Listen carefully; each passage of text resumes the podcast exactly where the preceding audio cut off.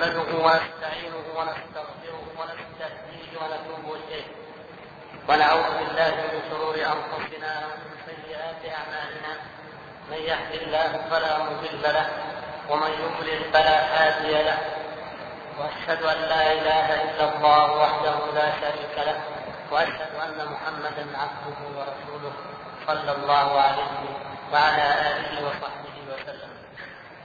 أما بعد فتعلمون ايها الإخوة أننا في الدرس الماضي شرحنا الفترة العشرين من متن العقيدة وهي قول الإمام الطحاوي رحمه الله تعالى وضرب لهم اجالا بدأنا بشرحها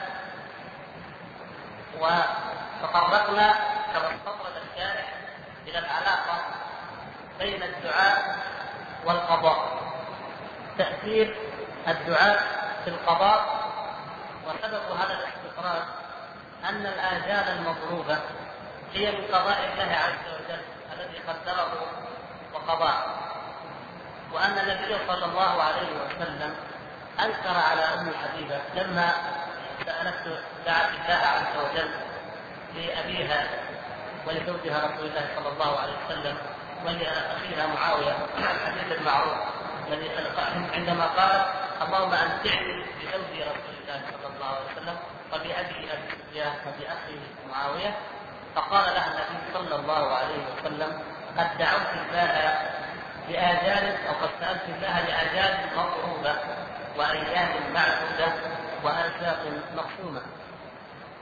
فبين النبي صلى الله عليه وسلم أنه لا علاقة بين الدعاء لا تأثير للدعاء في رد الأجل فاستطرد المؤلف ليبين أنه قد صح في الحديث أن صلة الرحم تزيد بالعمر صلة الرحم تزيد بالعمر كما صح ذلك عن النبي صلى الله عليه وسلم.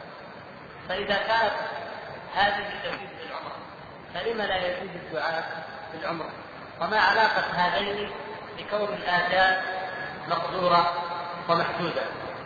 ورد المؤلف من خلال ذلك على المعتزلة في دعواهم وقولهم إن المقتول قطع عنه رزقه وقطعت حياته وقطع أجله. وإلا فإن له أجلا محددا في القضاء الكوني ولكن هذا القاتل اعتدى عليه واستطاع أن يقطع الأجل بناء على قولهم المعروف وهو أنهم يرون أن العبد يخلق فعل نفسه وأن الله سبحانه وتعالى لا تأثير له في أفعال العباد. فقالوا إذن القاتل يقتل المقتول فيقطع رزقه ويقطع أجله. ومما رددنا به عليه كما تعلمون حديث حديث الصحيح عند عبد الله بن مسعود رضي الله تعالى عنه هو إن أحدكم ليجمع خلقه في بطن امه أربعين يوما علقه نطفه ثم أربعين يوما علقه ثم يكون مثل أن يقول. ثم يؤمر الملك على اختلاف الروايات لأن بعضها بعض الأربعين وبعضها يفهم منه بعض. ثلاث الأربعينات 120 لا ندخل في هذا. المهم أنه ثم يؤمر الملك الملك بأربع كلمات. ينفخ فيه الروح ينفخ فيه الروح ويؤمر بحفظ أربع كلمات. رزقه وعمله وأجله أم سعيد فمما يكتب والإنسان في بطن أمه عند نفس الروح فيه الأجل. فالمعتزلة لا تؤمن مثل هذه الأحاديث ولهذا يرد ترد عليهم ويرد عليهم في هذه الأحاديث الواردة في القدر. وكل الكتب التي آه، تكلمت في عقيدة السلف عندما تعلم الرد على القدرية سواء منهم المعتزلة أو الذين الشيعة لأنه كما سبق بينا أن الشيعة هم قدرية يردون عليهم بالأحاديث الواردة في القدر. مثل هذا الحديث حديث عبد الله بن مسعود. ومثل حديث البراء بن عازب الذي مر معنا في الحلقة السابقة لما كان النبي صلى الله عليه وسلم والصحابة في جنازة وغير ذلك من الأحاديث الكثيرة التي تدل على أن الله سبحانه وتعالى قد كتب مقادير كل شيء ومنها ما سبق في الحلقة الماضيه وهو حديث عبد الله بن عمر في ان إن اول ما خلق الله القلم وأمره أن يكتب فكتب مقادير كل شيء قبل أن يخلق السماوات والأرض بخمسين ألف سنة ونحو ذلك من الأحاديث. هذه نرد بها عليهم وتعرضنا أيضا لموضوع قول المعتزلة أن القاتل إنما يقتل لأنه اعتدى على أجل الله الذي كتب الله عز وجل. وكما رد المؤلف هنا أن القاتل يقتل عقوبة له على ارتكاب ما نهى الله تعالى عنه. من القتل لا على أنه اعتدى على أجل الله وقطع أجل الله إنما لأنه اعتدى على أمر الله الشرعي تعدى أمر الله الشرعي وهو أن لا تقتل نفس بغير حق.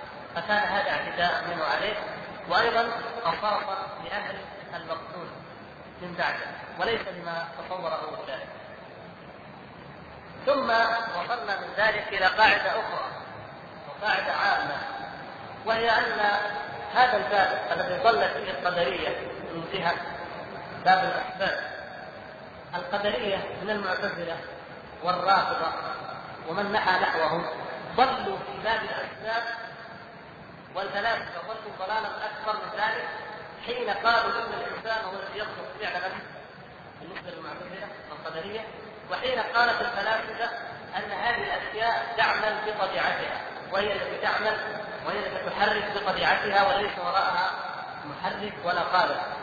هذا كلام الفلاسفة والمعتزله وبالمقابل تطرقت الجبريه منهم الجهميه الذين قالوا إن الإنسان مثل الريشه في مهب الريح ليس له أي دور. هؤلاء الجهميه وقد يكونون انقرضوا ولكن بقيت الأشعرية.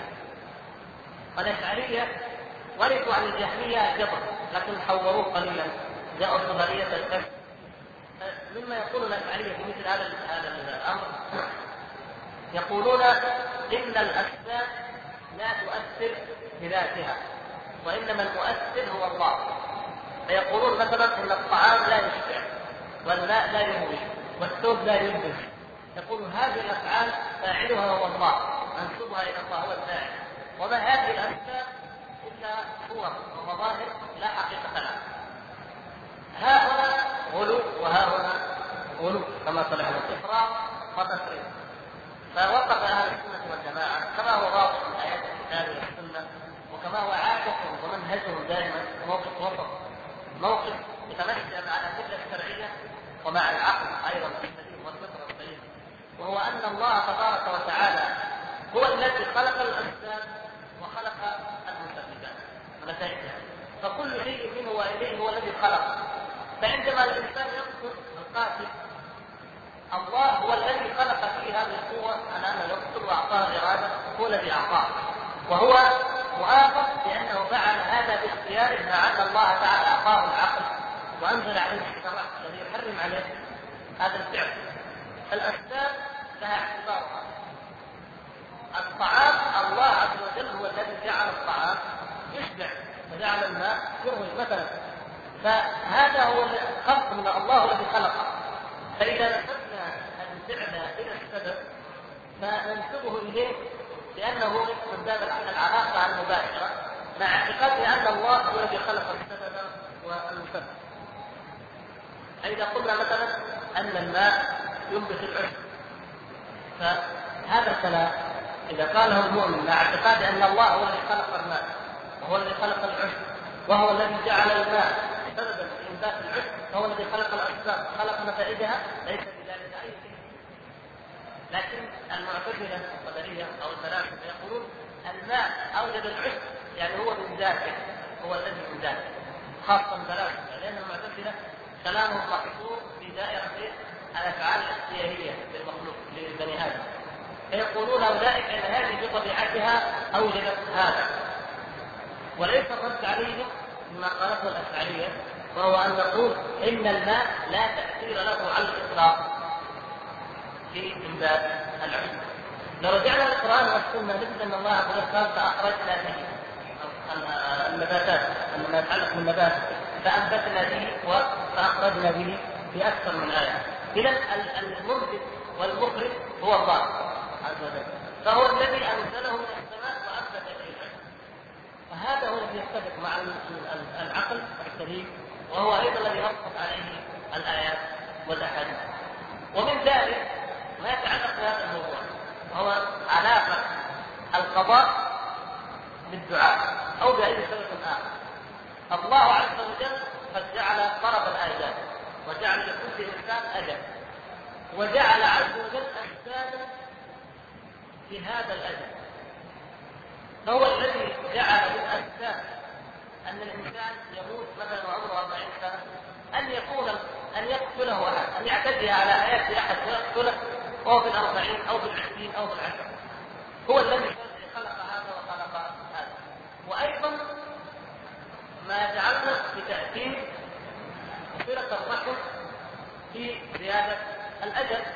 الله عز وجل يجعل هو الذي جعل صلة الرحم سببا في زيادة الأجل في إطالة عمر من يصل رحم فهذا مثل ما أنه جعل الماء سببا لأن الإنسان إذا شرب وارتوى لا يموت من العطش فكذلك جعل الاسباب طول عمر الإنسان أن يصل رحمه.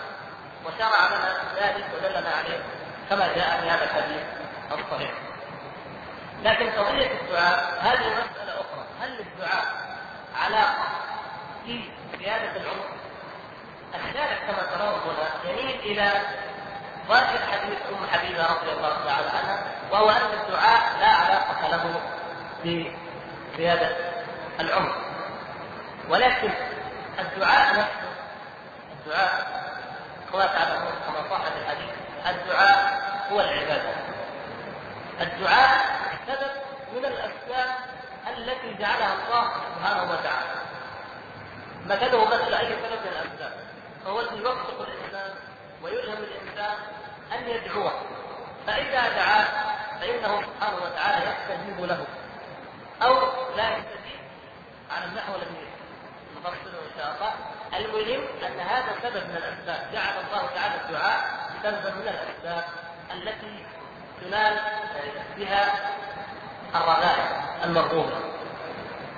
ولذلك يقول النبي صلى الله عليه وسلم كما في حديث الفرعون أحمد في المسند إن العبد إذا دعا الله سبحانه وتعالى بدعاء ليس فيه لم ولم يكن فيه إثم ولا قطيعه فإما أن يستجيب له إما أن يستجيب له الله عز وجل وإما أن يعطيه من الخير مثله مثل الذي سال وإما أن يدفع عنه من الشر مثله. يعني الداعي إذا دعا الله عز وجل لا يخلو حاله من أحد هذه الثلاثة.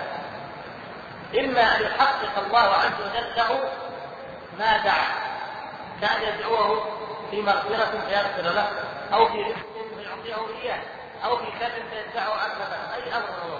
فيحقق الله عز وجل للداعي ما دعا.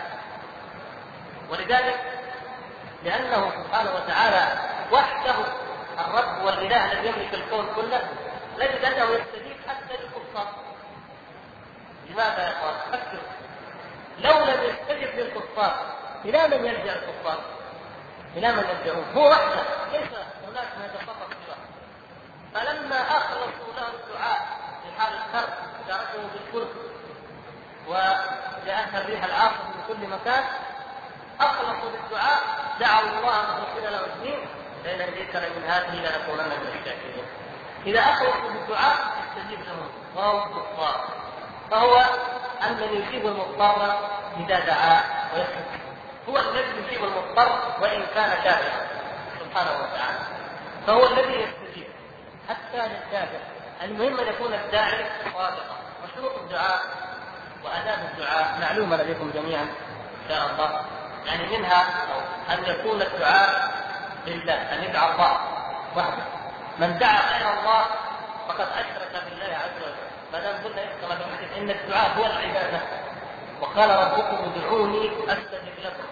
إن الذين يستكبرون عن عبادتي ليدخلون جهنم داخلين. فسمى الله عز وجل الدعاء عباده وأبدله من العبادة. وفي آيات كثيرة مشابهه فالدعاء هو العبادة.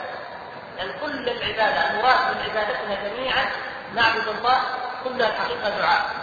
الفاتحة كما نتامل فيها ثناء وبعدها إيش؟ دعاء. ولذلك قال قسمت الصلاه بيني وبين عبدي نصفين. ثم قال ولعبدي ما سأل في الأخير فهو السؤال وهو دعاء. اهدنا الصراط المستقيم. وبعد أن نختتم الصلاة نقول اللهم اغفر لي. ونستغفر الله لنا في أثناء الصلاة نقول اغفر لي. المقصود أن العبادات الغرض منها هو الدعاء.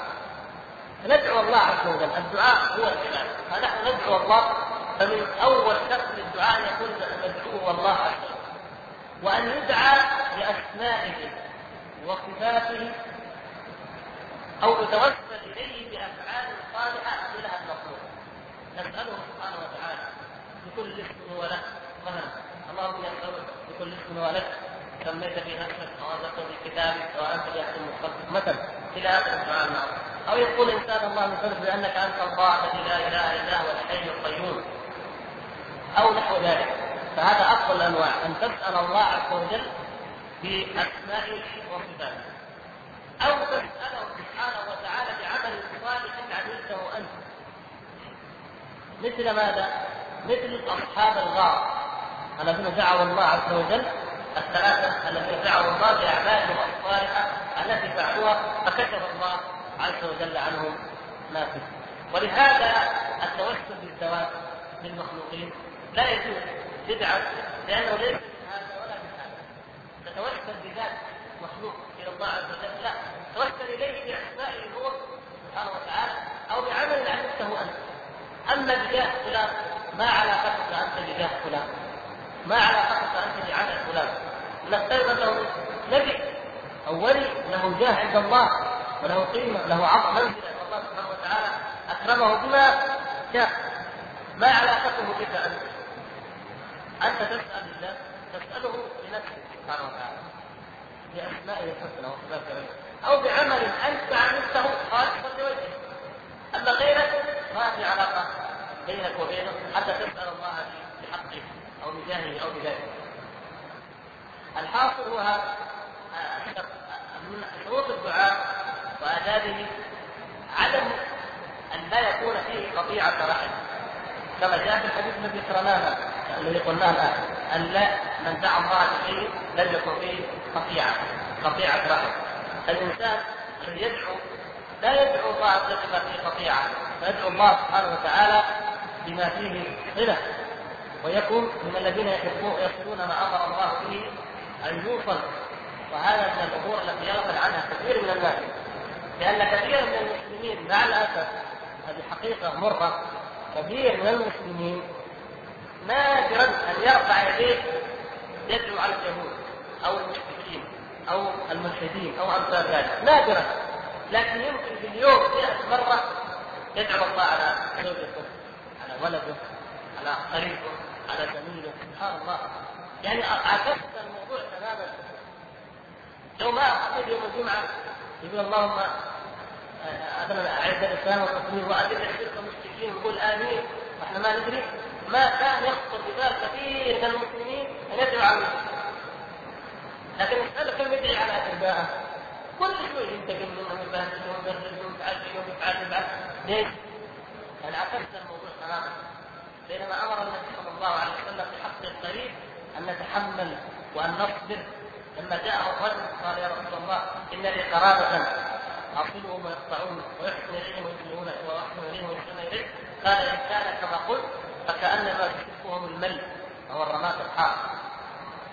الإنسان أخلاقه أخلاق النبي صلى الله عليه وسلم والآداب التي علم عليها النبي صلى الله عليه وسلم منها هذا الدعاء أن لا يدعو فيه قطيعه والشرط الآخر أو الاخير أن لا يدعو الإنسان بدعاء فيه اعتداء. الاعتداء في الدعاء ادعوا ربكم تضرعا وخفية وفي الآية سورة الأعراف إنه إنه لا يحب المعتدين. الاعتداء في الدعاء يمنع من قبول الدعاء. مثل الاعتداء أن تعلم أن الله عز وجل إذا قبض ميتا لا يبعثه مرة أخرى في هذه الحياة الدنيا. الآن فتدعو الله أن يبعثه. هذا غير في شيء أمر مقضي منتهي.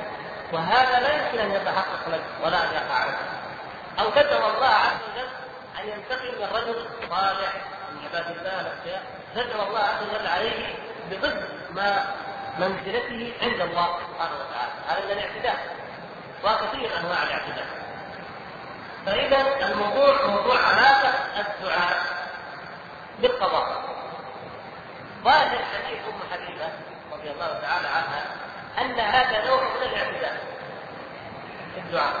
أن يدعو الإنسان لأحد بطول العمر أو بقصر العمر. ونحن نعلم من أساس عقيدتنا أن نعتقد أن الله خلق الخلق وقدر لهم أقدارا وضرب لهم آجالا كما قال الإمام الصحابي رحمه الله. فكيف ندعو من يقصر عمر فلان أو يطيل عمر فلان؟ هذه يدخل في بالاعتداء وجهة النظر الأخرى أن هذا من الأسباب. أن الدعاء سبب والأسباب مخلوقة. والله عز وجل يمحو يمحو الله ما يشاء ويثبت وعنده أم الكتاب. فلا يبعد أن يكون هذا من الأسباب التي تتبع البلاء وتتبع ترد القضاء وتجعل صاحبها يطول عمره. كما أن الإنسان إذا وصل رحمه يطول عمره فكذلك لو أنه قطعه فإنه يقصر عمره وتطرق المؤلف بعد ذلك إلى النذر لأن كثيرا من العوام كثيرا من الناس يظنون أن النذر يحقق لهم ما يريدون. إذا مرض له مريض. نذر أن إن شفى الله مريضي أتصدق بكذا من النذر. فإذا شفي المريض يظن أن هذا فيه نوع من استرضاء الله عز وجل بهذا العمل الصالح فيرضى عنه الله أو فيجزي الله المريض ليقع هذه هذا النذر تقع صدقة أو يقع مثلها وهذا أيضا مما رده النبي صلى الله عليه وسلم وقال إنه لا يأتي بخير إن النذر لا يأتي بخير وإنما يستخرج به من مال البخيل.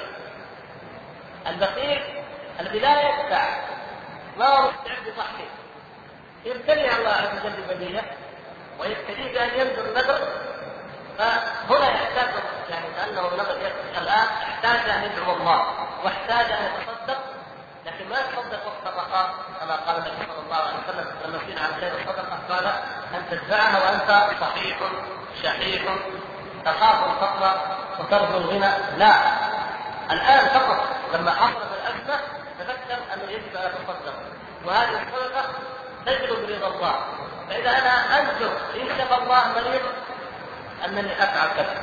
لعل إذا الله عز وجل يشفي مريضي يرضى عني ويشفي مريضي فمن أجل انني ساتصدق لا ليس هكذا وإنما هذا استخراج من مال البخيل كما بينه النبي صلى الله عليه وسلم. في حقيقته هو استخراج من مال البخيل.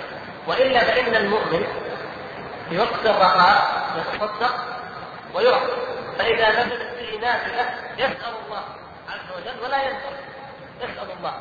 فإن سأله مثلا بالعمل الصالح الذي عمله في وقت الرخاء توسل إلى الله بالعمل الصالح الذي عمله في وقت الرخاء كأن يقول اللهم يا رب إني تصدقت بتلك الصدقة على فلان فإن كنت تعلم أنها خالصة لوجهك الكريم فاشفي مريضي كما فعل أصحاب الغار هنا يكون الدعاء في محله وتكون تلك الصدقة في محلها. لأنها في الوقت الذي حصلت فيه كان وقت رخاء والآن في وقت الشدة يلجا العبد إلى ربه سبحانه وتعالى. هذا الذي يعني ثم بعد ذلك سبق المؤلف إلى قول إلى كأنه يريد أن يعني يجمع اطراف القضية بأن قال اعلم أن الدعاء يكون مشروعا نافعا في بعض الأشياء دون بعض. وهذا كما مثل ما بينهم أن الدعاء قد يكون نافعا وقد يكون غير نافع. وقد يكون سببا لحصول الخير وقد لا ينتج بموانع معينه لكن من حيث أن الدعاء هو العبادة وأنه لا يستغني عنه أي مخلوق يجب أن نفهم هذا. يجب أن نعلم أن الله سبحانه وتعالى طلب منا الدعاء وقال ربكم ادعوني وأن هذا عبادة وأن هذا قربة نتقرب بها إلى الله سبحانه وتعالى. فنحن ندعوه اما ما يقوله بعض الفلاسفه أو بعض الصوفيه الغلاة وهذا وصل إلى العوام مع الاسف حتى العوام في المجتمع وهو أن الدعاء ما في حاجة للدعاء. وبعضهم يفلسفها ويقول يعني كلمه واحد يقول علمه بحالي يغني عن سؤالي هذا الكلام هو صحيح.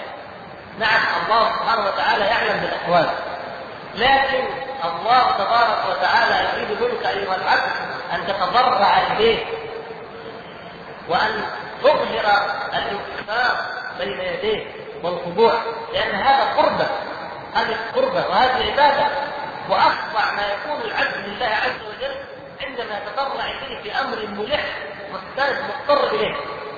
فالله تعالى يريد ذلك منا. أما ما يقوله هؤلاء يقولون ما بفائدة في الدعاء. إن كانت المقادير قد جرت بأن يتحقق لي ما أريد فما بداعي أدعو. وإن كانت قد جرت بما لا أريد فلا فائدة في الدعاء. إذا لا ندعو. لا هذا نقول هذا من أفضل الباطل. وهذا مما زينه الشيطان لهؤلاء المتصوفة وأمثالهم. وهم يستشعرون أنهم إذا دعوا الله عز وجل فكأنهم احتاجوا شيء من أمور الدنيا أو احتاجوا يعني ينظروا إليه من باب أن هذا كأنه اعتراض على القدر. إن كان الله مقدر لي في هذا ليش أدعو أن يكون؟ وإن كان ما قدر وأنا أدعوه كأنني أطلب منه شيء هو ما قدر. لا فالشيطان يسوي له لأنه في هذه الحالة يكون أكثر إيمانا. وأعلى من الإنسان الآخر. الذي يدعو الله يدعوه يدعوه في شيء قد قضى بخلافه فهذا كأنه يعترض على القدر في نظره هذا من تسوير الشيطان لهم. والا فالانبياء هم أكثر الناس دعاء. والنبي صلى الله عليه وسلم شرع الادعيه الماثوره الكثيره الصحيحه في كل في معظم الاحكام والحسنات إذا دخل من بيته وإذا خرج وإذا أتى وإذا قام إذا أخذ مضجعه لينام وإذا قام من مضجعه. الحياة كلها دعاء دعاء متصلة بالدعاء. بذكر الله وبدعاء الله عز وجل لبيان الافتقار والحاجة إلى الله سبحانه وتعالى.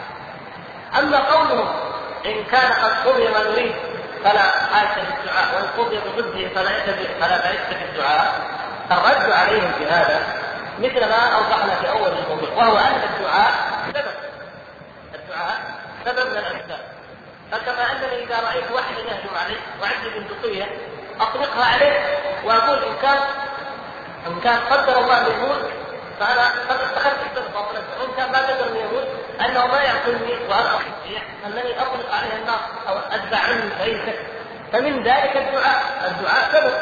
فندعو الله. نتخذ نحن نتخذ الاسباب ندعو الله عز وجل. فان نفع هذا السبب واستجيب الدعاء فالحمد لله. واندفع المكروه وإن لم يقع فنقول قد اتخذنا السبب واقدار الله عز وجل لا غالب لها. ولا ينفع فيها أي سبب من الأسباب لا يرد قدر الله الذي لا غالب لأمره ولا راد لقضائه. ومن هنا نفهم أنهم مخالفون للعقل وللشرع وان الحق الذي عليها السنة والجماعة. في هذه المسألة كما في غيرها من المسائل هو الموافق للنصوص وللنقل والموافق كذلك أيضا للعقل والفطرة السليمه عند التأمل. يقول وأما قوله تعالى وما يعمر من معمر ولا ينقص من عمره إلا في كتاب بعض العلماء لما قرأ هذه الآية قالوا إن العمر يعني عمر كل إنسان يقبل الزيادة ويقبل النقصان كل إنسان في ذلك إذا لو أن الإنسان اجتهد في الطاعة أو بذل أسباب من السلامة والوقاية يزيد عمره ولو أن الإنسان قصر إذا ينقص عمره بناء على أن الضمير وما يعمر من معمر ولا ينقص من عمره يعود على؟ على ذات الإنسان الواحد. يرد عليه المؤلف يقول إن فرق ذلك أنه بمنزله من يقول عندي درهم ونصفه. ونصفه يعني نصف الدرهم. هذا هو الدرهم الذي عندي؟ لا نصف درهم آخر. لكن هذا الضمير عود لفظي فقط. عود لفظي وليس حقيقة الشيء. إذا معنى الآية على هذا المعنى ما يعمر من معمر ولا ينقص من عمره. يعني من عمر أي أي إنسان آخر فلا يعمر إلا أي معنى ذلك لا يزيد عمر أحد. ولا ينقص عمر أحد إلا هذا هو معنى الآية. فما آه، من أمد الله تعالى بعمره حتى يصل إلى مرحلة الضعف الأخيرة الشيبة. وأيضا من قضى الله تعالى بان يموت وهو طفل وهو طفل هذا وهذا كل ذلك في كتاب. طيب. إذا قلنا إن الاجال مقدره ومضروبه وأن كل ذلك في الكتاب وأنه قد تؤثر بعض الأحداث ولا تؤثر في ذلك يأتي موضوع هل الأقدار هل هذه الأقدار مما ينفق أو مما لا ينفق؟ هذه وقع فيها الخلاف؟ نقرأ إن شاء الله ما ذكره الكتاب رحمه الله ثم نشرح وقيل الزيادة.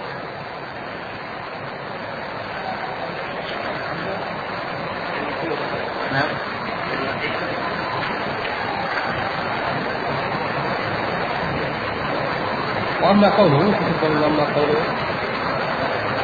وأما قوله تعالى وما يعمر من معمر ولا ينقص من عمره إلا في كتاب.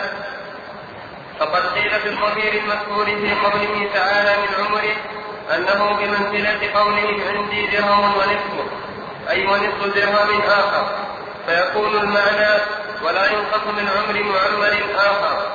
وقيل الزيادة والنقصان في الصحف التي في أيدي الملائكة. وحمل قوله تعالى لكل أجل كتاب يمحو الله ما يشاء ويثبت وعنده أم الكتاب على أن المحو والإثبات من الصحف التي في أيدي الملائكة. وأن قوله وعنده أم الكتاب اللوح المحفوظ.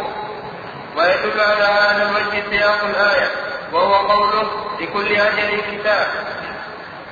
ثم قال يحفظ الله ما يشاء ويثبت أي من ذلك الكتاب وعنده أم الكتاب أي أصله وهو اللوح المحفوظ. وقيل يمحو الله ما يشاء من الشرائع وينسخه ويثبت ما يشاء فلا ينسخه والسياق أدل على على هذا الوجه من الوجه الأول وهو قوله تعالى وما كان لرسول أن يأتي بآية إلا بإذن الله لكل أجل كتاب. فأخبر تعالى أن الرسول لا يأتي بالآيات من قبل نفسه بل من عند الله. ثم قال لكل أجل كتاب يمحو الله ما يشاء ويثبت. أي أن الشرائع لها أجل وغاية تنتهي إليها ثم تنسخ بالشريعة الأخرى. فينسخ الله ما يشاء من الشرائع عند انقضاء الأجل ويثبت ما يشاء. وفي الآية أقوال أخرى والله أعلم بالصواب. سبق المامة أن مراتب القدر وأن هذه المراتب بحسب الزمن. هناك تقدير يومي هناك تقدير سنوي هناك تقدير عمري على العمر كله وهناك تقدير كوني على عمر الكون كله. اللوح المحفوظ أم الكتاب قدر الله تعالى فيه الأمور التقدير الكوني الذي لا يتغير ولا يتبدل والذي أول ما خلق الله القلم أمره أن يكتب فكتب مقادير كل شيء قبل أن يخلق السماوات والأرض بخمسين ألف سنة. هذا لا يتغير ولا يتبدل. أما التقدير اليومي فإنه عز وجل كما قال كل يوم هو في شأن. فهو آه، يرفع ويخفض ويعطي ويمنع. فالتقدير السنوي في ليلة القدر وهي ليلة واحدة كما تعلمون في العام هذه يقدر الله عز وجل فيها ما سيقع في ذلك العام فهذه هذا التقدير على مستوى العام في العمر كله. يعني كل سنة من أزمنة العمر الكوني جميعا لها ليلة فيها ليلة قدر يقدر فيها ما يقع في تلك السنة. من الآجال ومن الأرزاق ومن الحياة ومن الموت وما أشبه. التقدير العمري هو ما يتعلق بالعمر أن وهو أن العبد إذا كما مر معنا في حديث عبد الله بن مسعود إذا مرت عليه 120 آه، ليلة أو في المثال 40 ليلة كما في الرواية الأخرى التي صرحت بعد 42 ليلة إذا جاء الملك في الروح يكتب فيها رزقه وأجله وعمله وشقي أم سعيد.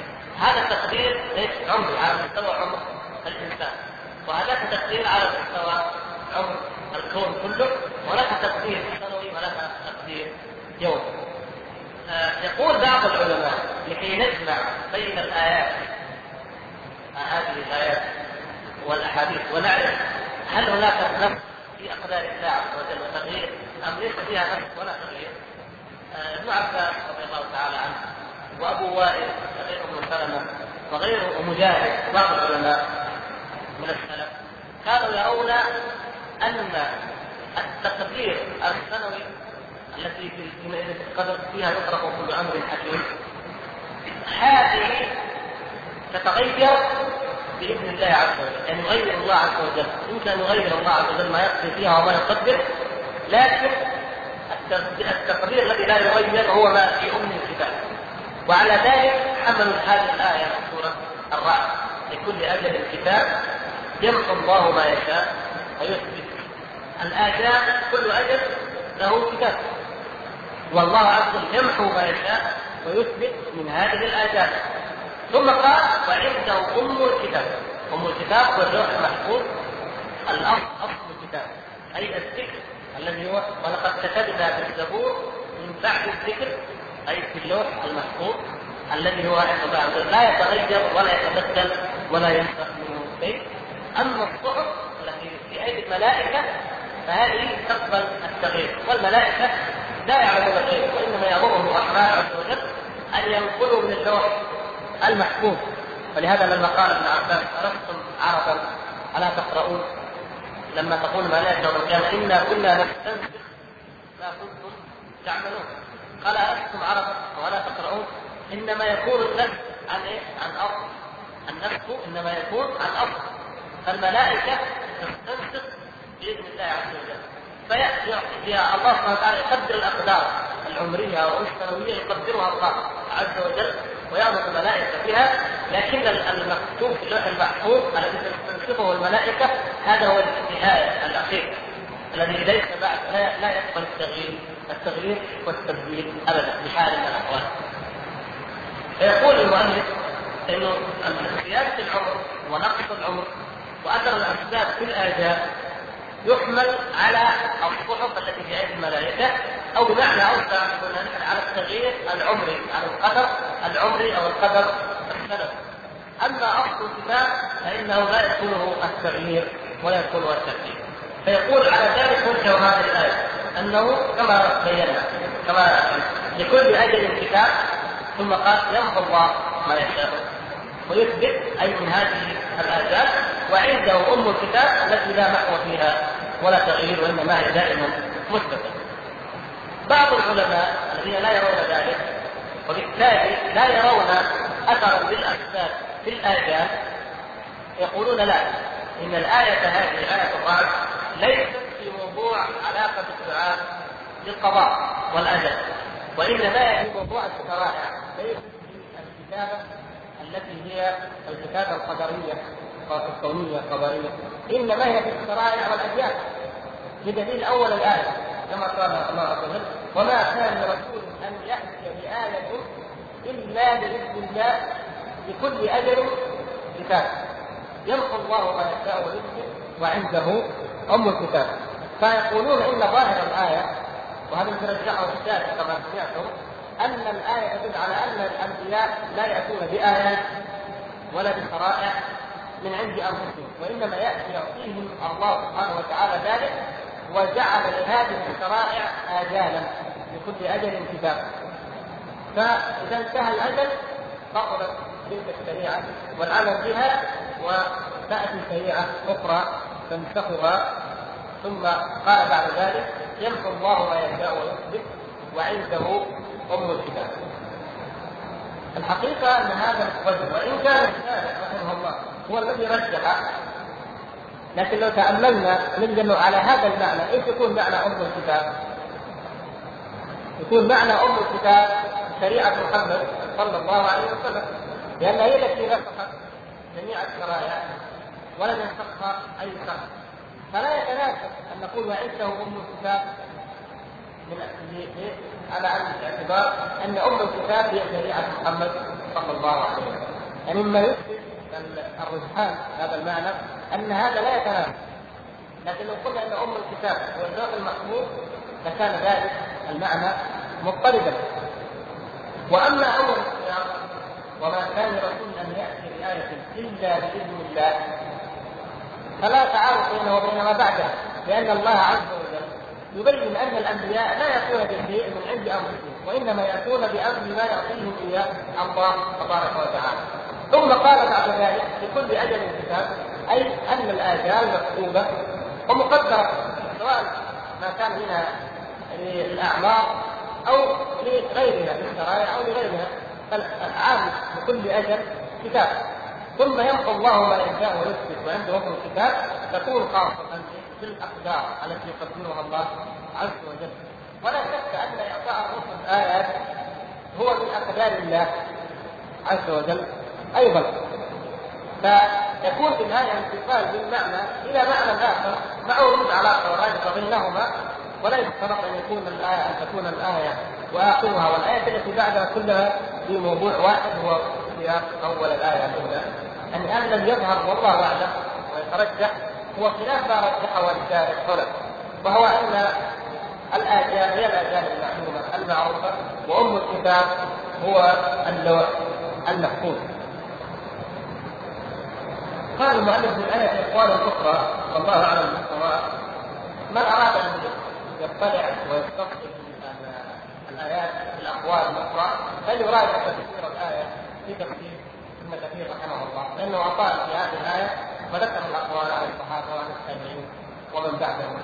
والموضوع يحتمل النظر ويقبل إذا تنظر من أراد أو من ترجح لديه فيه شيء فلا بأس إن شاء الله تعالى. وبهذا نكون قد أكملنا شرح الفقرة العشرين وننتقل إلى الفقرة الحادية والعشرين إن شاء الله. قوله ولم يخفى عليهم شيء قبل أن يخلقهم وعلم ما هم عاملون قبل أن يخلقهم. فإنه سبحانه وتعالى يعلم ما كان وما يكون وما لم يكن أن لو كان كيف يكون. كما قال تعالى ولو ردوا لعادوا لما نهوا عنه. وإن كان يعلم أنهم لا يردون ولكن أخبر أنهم لو ردوا لعادوا كما قال تعالى ولو علم الله فيهم خيرا لأسمعهم ولو أسمعهم لتولوا وهم معرضون وفي ذلك رد على الرافضة والقدرية والذين قالوا إنه لا يعلم شيئا قبل أن يخلقه ويوجده وهي من فروع مسألة القدر وسيأتي لها زيادة بيان إن شاء الله تعالى. فقرة الحادي والعشرون قال الإمام الصحابي رحمه الله ولم يخفى عليه شيء قبل أن يخلقهم وعلم ما هم عاملون قبل أن يخلقهم.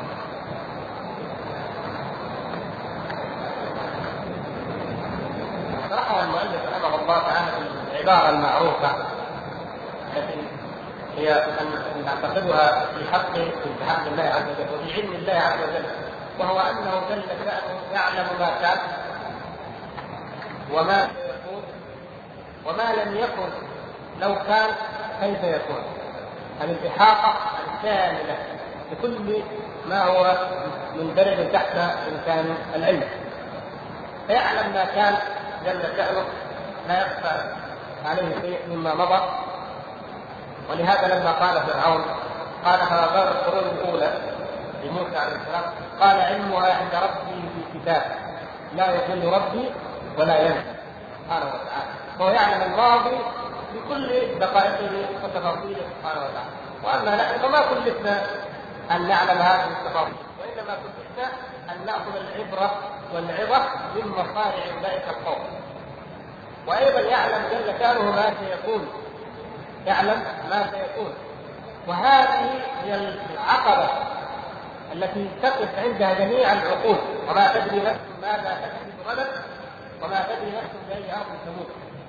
كل العقول البشرية والعلم البشري مهما وصل مهما حاول أن يجتهد لا يمكن أن يعرف ماذا سيكون بعد لحظة واحدة. لا يمكن ابدا. وفي هذا دليل إسحاق من الله عز وجل لهؤلاء المخلوقين. مهما طغوا أو تجبروا أو تعلموا يبقى امامهم هذه العقبة أنهم لا يستطيعون أن يعلموا ابدا. فهذا يعني العلم استأثر الله به سبحانه وتعالى. فهو الذي يعلم ما كان ويعلم ما سيكون. ويعلم ما لم يكن. لو كان كيف يكون. ومن ذلك هذه الآية. ولو ردوا لعادوا لما نهوا عنه الكفار إذا وقفوا على النار يقولون يا ليتنا نرد. ولا نكذب بآيات ربنا. يتمنون أن يعودوا إلى الدنيا فإذا عادوا لن يكذبوا بزعمهم يقولون أرجعنا خرجنا منها ورجعنا نعمل صالحا. يظنون أنهم إذا رجعهم الله سبحانه وتعالى الدنيا أو يعدون أن هذا ممكن أن يكون هناك خداع. يخدعون الله عز وجل. لو رديتنا يا رب إلى الدنيا ولقد رأينا العذاب وعايناه لكنا لعملنا صالحا. لكنا من المؤمنين ومن المتقين. إنا مؤمنون. لا. ليس هذا وقت اليقين. ليس وقت اليقين أن الإنسان يستيقظ بعد أن رأى ما كان يقال. اليقين أن تؤمن بما أخبرك به الله أو رسول الله صلى الله عليه وسلم قبل أن تراه. أما إذا رايته لم يعد هناك يقين. رجعنا نعمل صالحا أنا موقنون الآن موقنون ما ينفع. أخي على طريق الحق هنا منتصف الشريف. متعلقة بقضية أنهم رأوا الحق أو لم يروا الحق. لا المسألة مسألة استكبار وعناد في في نفوس الكفار. ما هو لأنهم ما رأوا العذاب واستيقنوا بالعذاب؟ ما هو لأنهم ما صدقوا الرسول؟ ابدا. فإنهم لا يكذبونك ولكن الظالمين بآيات الله يجحدون. ما هو تكذيب أنه يعني التكذيب ما هو اعتقاد انك كاذب أما التكذيب قولهم له انه كاذب هذا قالوه لكن هل هو اعتقاد أنه كاذب؟ لا. لا يكذبونك لا يعتقدون كذبك بل يعتقدون أنك صادق ولكن الظالمين بايات الله يجحدون المسألة لو كانت مجرد آه، حقائق بعيده عن الذهن فلما رأوا العذاب طلبوا العوده لكان ربما لو عادوا لو ردوا لما عادوا. لكن ليس الأمر من هذا القبيل لأنه كما قال ولو فتحنا عليهم بابا من السماء فظلوا فيه يعرضون لقالوا إنما كسرت أبصارنا بل نحن قوم مسحورون ما في فائده ابدا. ادعوا أن يروا الله ادعوا أن يطلعوا في السماء يعني يقولوا توفيقنا بآية يا محمد. طيب ما في آية أعظم على الإطلاق خاصة الآن في عصرنا هذا البشر؟ الآن الصعود إلى الفضاء حاجة رهيبة يعني يعرفون انها من المستحيلات لا يمكن أن تكون إلا بشيء رهيب وغريب. فلو فتحنا عليهم باب من السماء هذه الحاجة العظيمة والصعبة وعرف به من السماء ورأوا فيها بعد ذلك الأرض حلمنا شوية شفنا حاجات والان رجعنا ما لماذا؟ لأن المساله عناد. ان في صدورهم إلا كذب؟ والعناد الذي في انفس الكفار لن يقبلوا الحق مهما يروا من آية. وإن يروا كل آية لا يؤمنون نسأل الله أن يعافينا وإياكم من هذا الكبر ومن الاستكبار ومن العناد وأن يرزقنا الإخلاص والانقياد والإذعان بأمر الله والتسليم له.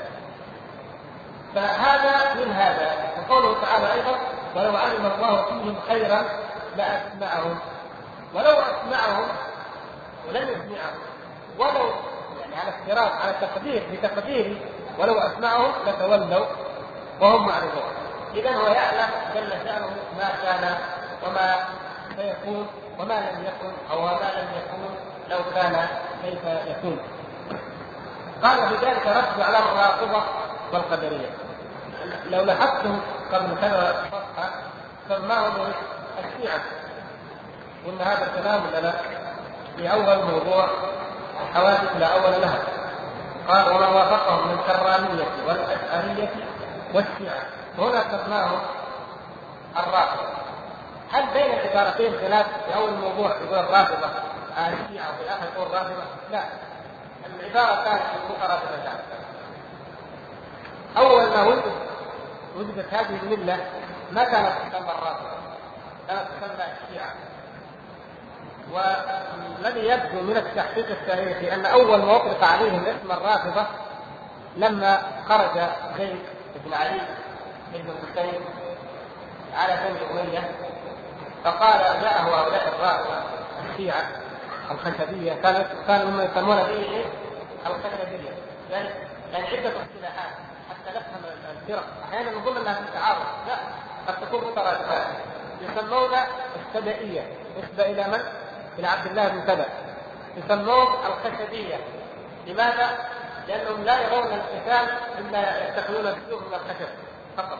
ولا يرون القتال إلا مع الإمام المعصوم فقط. هذا ومن أسمائهم أيضا الإمامية. لأنهم يقولون أن الإمامة ركن من أركان الدين التي لا يجوز السكوت عنها بإطلاق ومن أسمائهم الاثنا عشرية. لماذا؟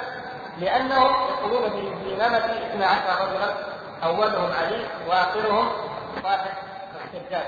الذي دخل فيه ولم يخرج ولم يخرج كما تعلمون.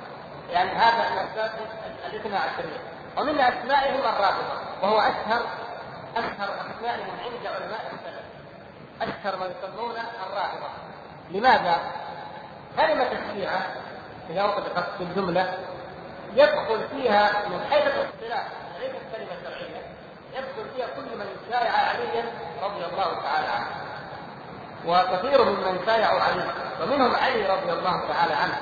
نفسه وابناه الحسن الحسين هؤلاء كانوا ولله الحمد على العقيده السليمه الصحيحة وعلى دين الإسلام الصحيح.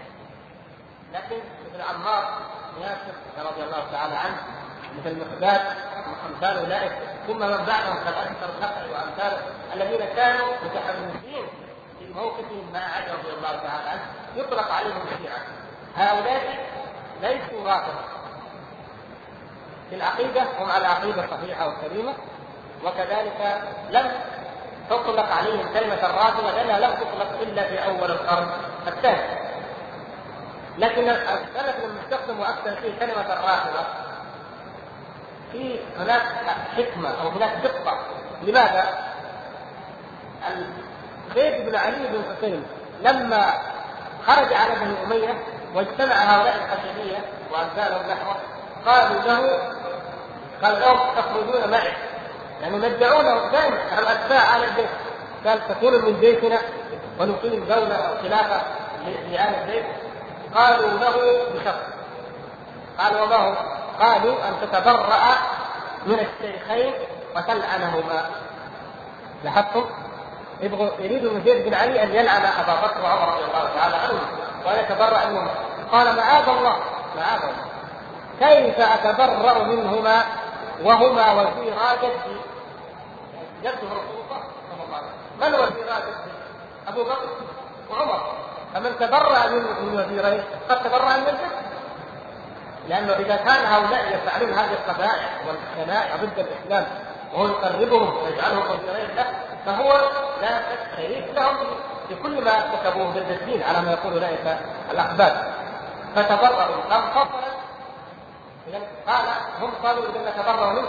قال رفضتموني رفضتموني. قال اثنين رفضتموني. فأطلق عليهم الرافض من ذلك اليوم. فأصبح هناك قسمان الشيعه صارت قسمين رافضة وزيديه في ذلك العصر الزيديه في ذلك العصر وربما إلى الآن كثير منهم لا يلعنون الشيخين ولا يكفرون الشيخين وإنما يكتفون بتفضيل علي على أبي بكر وعمر هذا لا شك أنه خطأ وأنه بدعة لكن من لم يلعن الشيخين من الزيديه فلا يصح أن نسميه رافضيا أو يعني من كان على مثل ما كان عليه زيد نفسه فقط فزيد كان في معظم آه، عقيدته على أصول أهل السنة والجماعة إلا مسألة الخروج على بني أمية وهذه مسألة عملية أكثر منها مسألة اعتقاديه لكن الشاهد أنه إذا السلف استخدموا إطلاق الرافضه عليهم ليميزوا بين الذي يلعن الشيخين يتبرع منهما وبين الذي يفضل علي على الشيخين فقط. وزي ما قلنا في الأول أن أن الشيعه اقسام المفضلة والسبابه والغالية الزنادقه فأصبحت منذ عهد اصبح الرافضة هم هذه الفئة التي انتشرت وتسمى الإمامية وتسمى الاثنا عشرية. هؤلاء هم الرافضة. وقلنا في سبب هذا المؤلف ذكرهم هنا في أول هذا الموضوع وذكره هنا في الأخير. ها؟ ذكرته إن شاء الله. لأن الموضوع هذا أثير في في كتاب الحلي اللي يسمى نفسه بالمطهر الحلي كتاب من هذا الكرامه رد عليه شيخ الإسلام في كتاب منهاج السنة النبوية في نقد كلام الشيعة القدرية أو كلام الشيعة والقدرية والظاهر من دون الواو لأنه الشيعة القدرية هو شيعي وقدري. هذا الحلي وأمثال الشيعة وقدرية. والشارع هنا ينقل من نفس كلام شيخ الإسلام ابن تيمية ويرد على هؤلاء على هذه القواعد ومنهم الشيعه الذين أنكروا القدر وكان له هذا الخلاف مع أهل السنة بالقدر. وإلا في اول امرهم يرتبط القدريه شيعيا كان أول من تكلم بالقدر غيلان الدمشقي هذا لم يكن شيعيا ولم يتلقى عن الشيعة لكن مالوا فيما بعد إلى مذهب القدرية. والى مذهب المعتزله وقد بينا فيما مضى بعض الاسباب التي جعلت الشيعة يميلون إلى مذهب القدريه ومذهب المعتزلة ويتبنونه ولذلك نجد إلى الآن الزيديه والرافضة الاثنا عشريه كلاهما الان يدينان من حيث العقيدة في الاسماء والصفات والقدر لمذهب المعتزلة. وكتب المعتزلة هي التي تقرر عندهم وتدرس. نتيجة الاندماج الذي حصل من أيام النوبختي وامثاله في القرن الثالث وما بعد. هذه الفترة الحادية والعشرين. نقرأ بالثانية والعشرين إن شاء الله. قوله وأمرهم بطاعته ونهاهم عن معصيته ذكر الشيخ الأمر والنهي بعد ذكره الخلق والقدر. إشارة إلى أن الله تعالى خلق الخلق لعبادته. كما قال تعالى وما خلقت الجن والإنس إلا ليعبدون وقال تعالى الذي خلق الموت والحياة ليبلوكم أيكم أحسن عملا بعد أن ذكر أنه سبحانه وتعالى خلق الخلق وقدر لهم أقدارا وضرب لهم آجالا وأنه لم يخفى عليه قبل أن يخلقهم وعلم ما هم عاملون قبل أن يخلقهم وامرهم بطاعته ونهاهم عن معصيته. فالكلام الأول يتعلق بماذا؟ بالأمر الكوني. الأمر الكوني. هو انه عز وجل خلق وقدر الاجال وعلم ما كان وما سيكون. هذه هذا أمره الكوني وقضاؤه وقدره الكوني. ثم انتقل الحديث عن إيش؟ عن أمره الشرعي. فقال وامرهم بطاعته ونهاهم عن معصيته. فذكر كما ذكر المؤلف وما خلقت الجن والإنس إلا ليعبدون. الذي خلق الموت والحياة ليبلوكم أيكم أحسن عملا.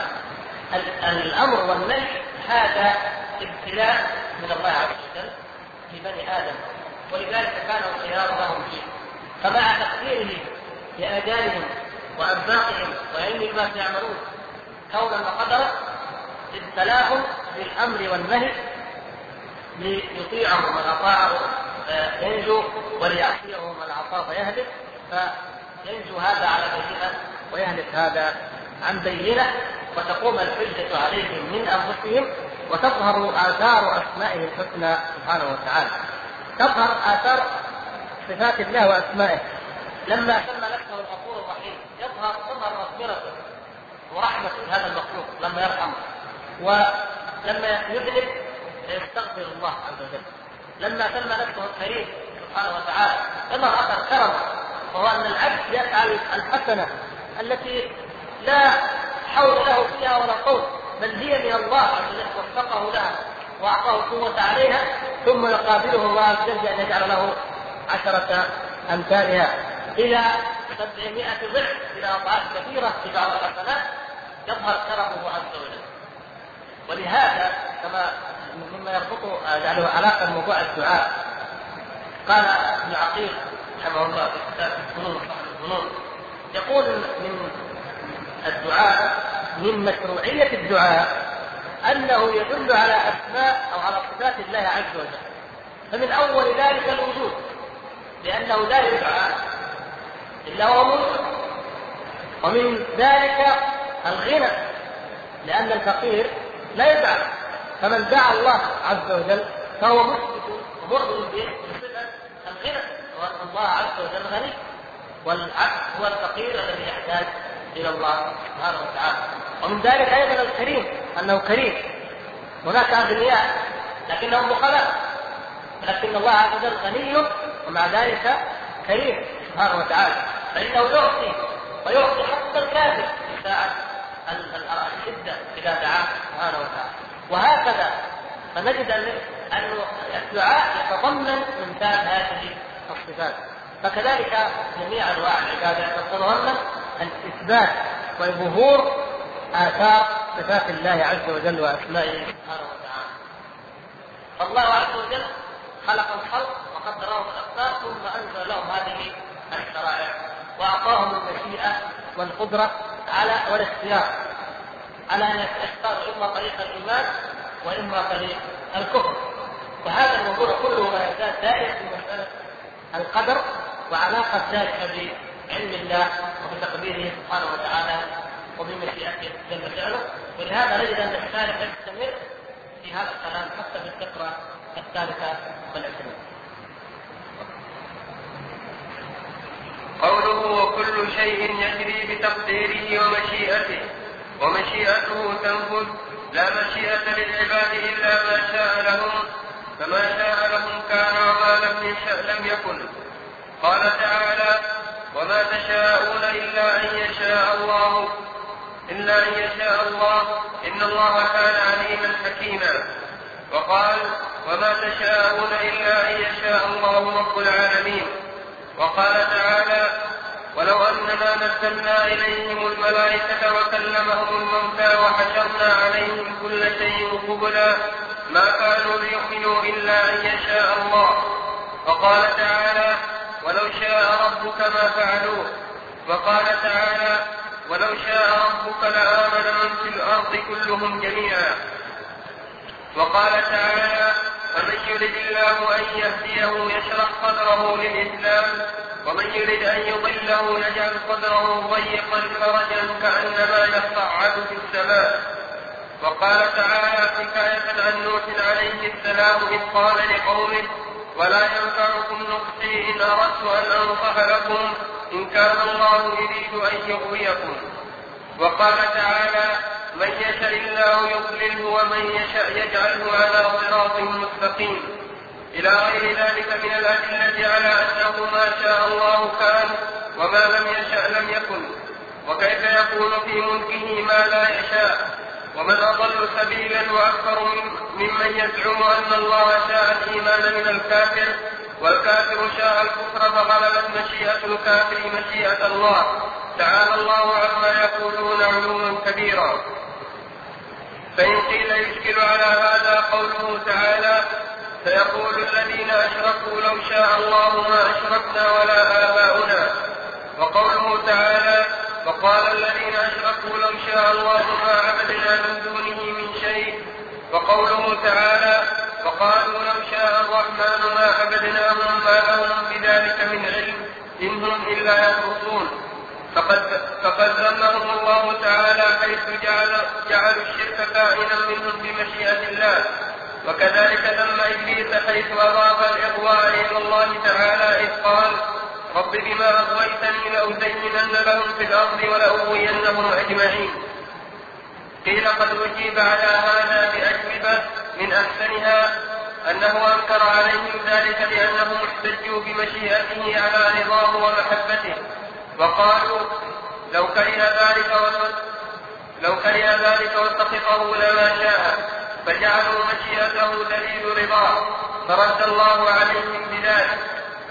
أو أنه أنكر عليهم اعتقادهم أن مشيئة الله دليل على أمره به.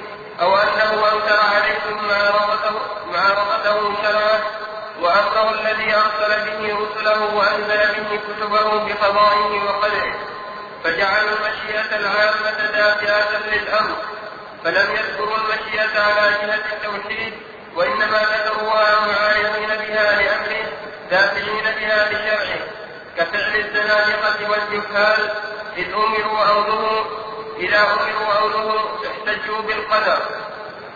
وقد احتج خالد على عمر رضي الله عنه بالقدر فقال وأنا أقطع يدك بقضاء الله وقدره. يشهد لذلك قوله تعالى في الآية كذلك كذب الذين من قبلهم. فعلم أن مراده التكذيب فهو من قبل الفعل. من أين له أن الله لم يقدره أطلع الغيب. فإن قيل فما يقولون في احتجاج آدم؟ فإن قيل فما تقولون في احتجاج آدم على في احتجاج آدم على موسى عليهما السلام بالقدر؟ إذ قال له أتلومني على أمر قد كتبه الله علي قبل أن أخلق بأربعين عاما وشهد النبي صلى الله عليه وسلم أن آدم حج موسى أي غلب عليه في الحجة. الفقرة كلها متماسكة كما ترون وموضوعها هو موضوع الاحتجاج بالقدر إثبات مشيئة الله عز وجل والرد على المحتجين بالقدر. ورد بعض شبهاتهم كما في الشبهة الشبهة الإبليسية والشبهة الشركية. شبهة المشركين وشبهة إبليس اللعين حينما احتج هؤلاء وهؤلاء بقدر الله عز وجل.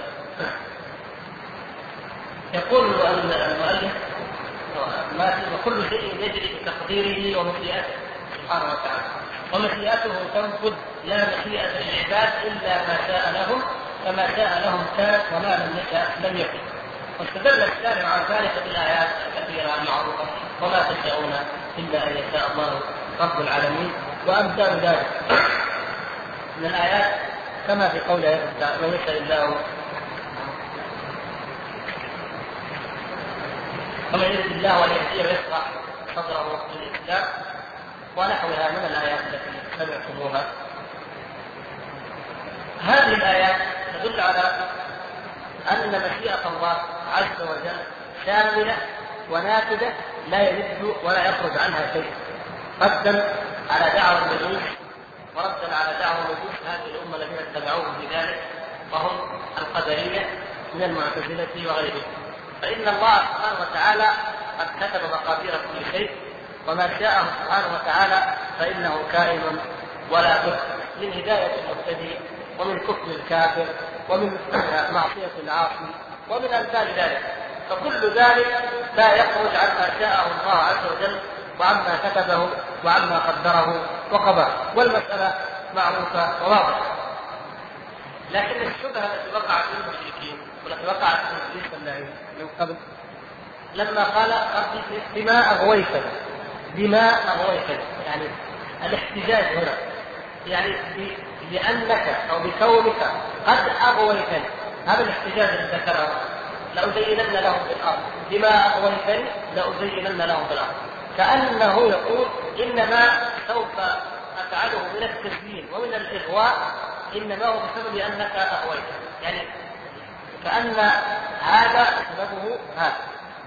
والمشركون لما قالوا لو شاء الله ما أشركنا ولا أبانا وقالوا لو شاء الرحمن ما عبدناه أحتج المشركون على عبادتهم للأصنام بأن الله سبحانه وتعالى لو شاء ما أشركوا وعلى تحريمهم لما أحل الله بأن الله عز وجل لو شاء ما حرم من دونه من شيء كما في آه، سورتي الأنعام والنحل وأنهم لو شاء الله ما عبدوا هذه الآلهة.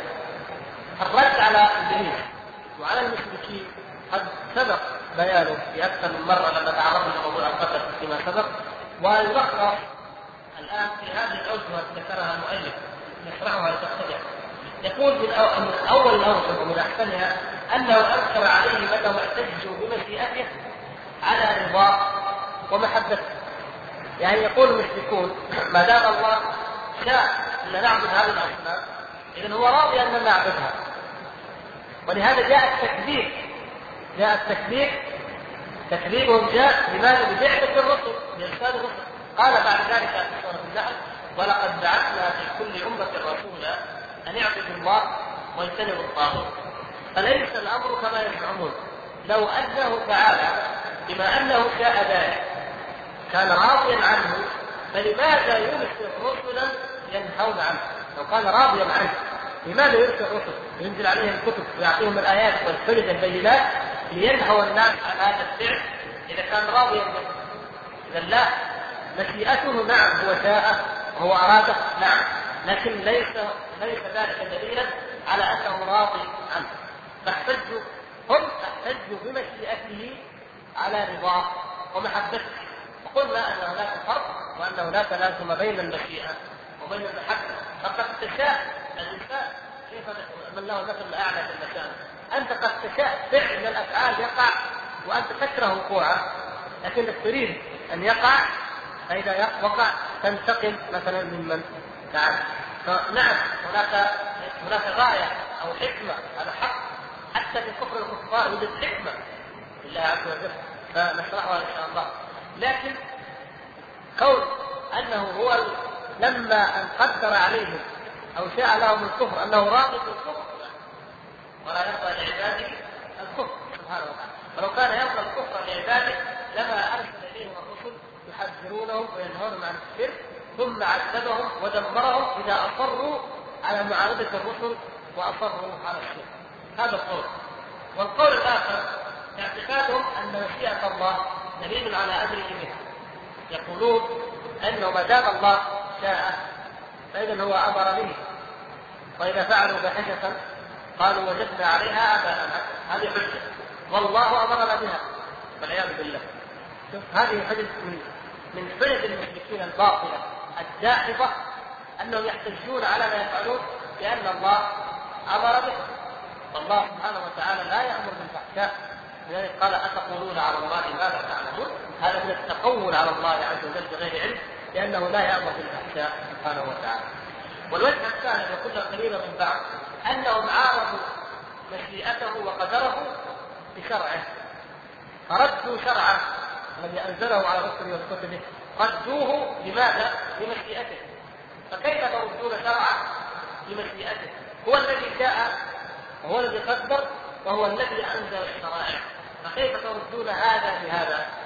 هذا من باب العلاج ومن باب الاستكبار عن الله عز وجل أن يرد أمره ووحيه بشرعه. ان أن يرد بمشيئته شرعه وأمره ونهيه يرد بماذا؟ بمشيئته وبقدره. ولذلك قال في سورة الأنعام كذلك كذب الذين من قبلهم. أي أن هذه هذا التكذيب حصل من الكفار. فليس الأمر أن هؤلاء يثبتون القدر. ليست القضية أن هؤلاء المشركين أو إبليس اللعين يثبتون قدر الله عز وجل. فيعني واحد يعترض يقول كيف تقولون أن المشيئة ثابتة؟ والله عز وجل أنكر على الكفار لما قالوا لو شاء الله ما عبدناه ولو شاء الله ما أشركنا. فنقول أن الكفار لم يقولوا ذلك إيمانا منهم بالقدر لم يقولوا إيمانا منهم بالقدر وإنما قالوه اعتراضا منهم على الأمر وعلى التوحيد. أما من يقوله إيمانا بالقدر فهذا حق كما فعل عمر رضي الله تعالى عنه. لما اعترض السابق على القدر اعترض على الأمر بالقدر قال كيف تقطع يدي يا أمير المؤمنين؟ لما جاء إلى عمر رضي الله عنه في السابق فأمر بقطع قال كيف تقطع يدي يا أمير المؤمنين؟ وما شركت إلا بقدر الله وقضاء الله هذا قدر من الله كيف تقطع يدي؟ هذا حجة المشركين مثل حجة المشركين مثل حجة إبليس اللعين امثالهم أنهم يحتجون بالقدر على فعل المعاصي. لكن الموحد يحتج بالقدر ويدخل القدر عليه على الطاعة وعلى التوحيد. فقال أمير المؤمنين أجاب أمير المؤمنين بجواب الموحدين. قال أنت شركت بقدر الله وأنا أقطع يدك بقدره. فقطع يده. فعلمنا أن الله قدر أن يده تقطع. والا لو لم يشاء الله لأن لو لم أن تقطع لو لم يقدر الله أن تقطع يدك. هل كان عمر سيقطعها؟ لا. اذا هذه بقدر الله وتلك بقدر الله. نعم. لكن هذا فعلها يعتد ويحتج بالقدر وهو كاذب. لو أنه كان المشروع وان هذا الرجل كان المشروع وقال السارق إنما هذا تقدر عليه ما فرقتك لما قبل ولا اخذ بيده ودعا به إلى أمير المؤمنين وقال اقطع هذا فإنه سرقني لكن يتملق من أمر الله ومن حد الله اعتل بالقدر أما عمر رضي الله عنه فانه قطع يده وقال هذا من قدر الله أيضا لأنه لا تعارض بين أمر الله بين شرع الله وبين قدره فلا تعارض بين إقامة الحد وبين القدر بل إنما تقام الحدود بقدر الله عز وجل.